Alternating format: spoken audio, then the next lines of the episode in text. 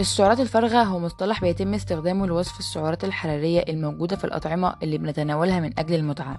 في الحلقة دي من هيلثي بودكاست هنعرف أكتر عن السعرات الفارغة. معايا أنا نيرة فخري. السعرات الفارغة هي السعرات الموجودة في الأطعمة والمشروبات اللي قيمتها الغذائية تكاد تكون معدومة وده معناه إنه مش موجود فيها أي فيتامينات أو معادن ولكنها بتزود الجسم بكميات كبيرة من الطاقة وده بسبب احتوائها على سعرات حرارية كتيرة.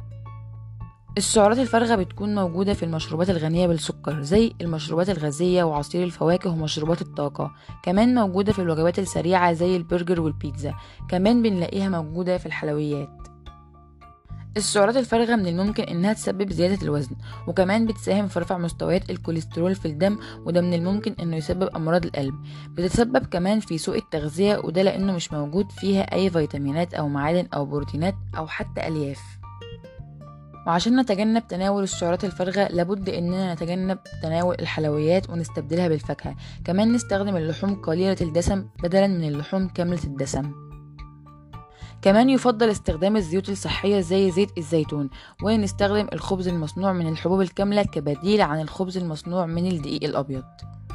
كمان من المهم إننا نتناول أطعمة غنية بالألياف لأنها بتساعد على الشعور بالشبع زي الخضروات. ونشرب المية بدلا من العصير والمشروبات الغازية لأن ده من الحاجات اللي بتساعد على تجنب تناول السعرات الفارغة.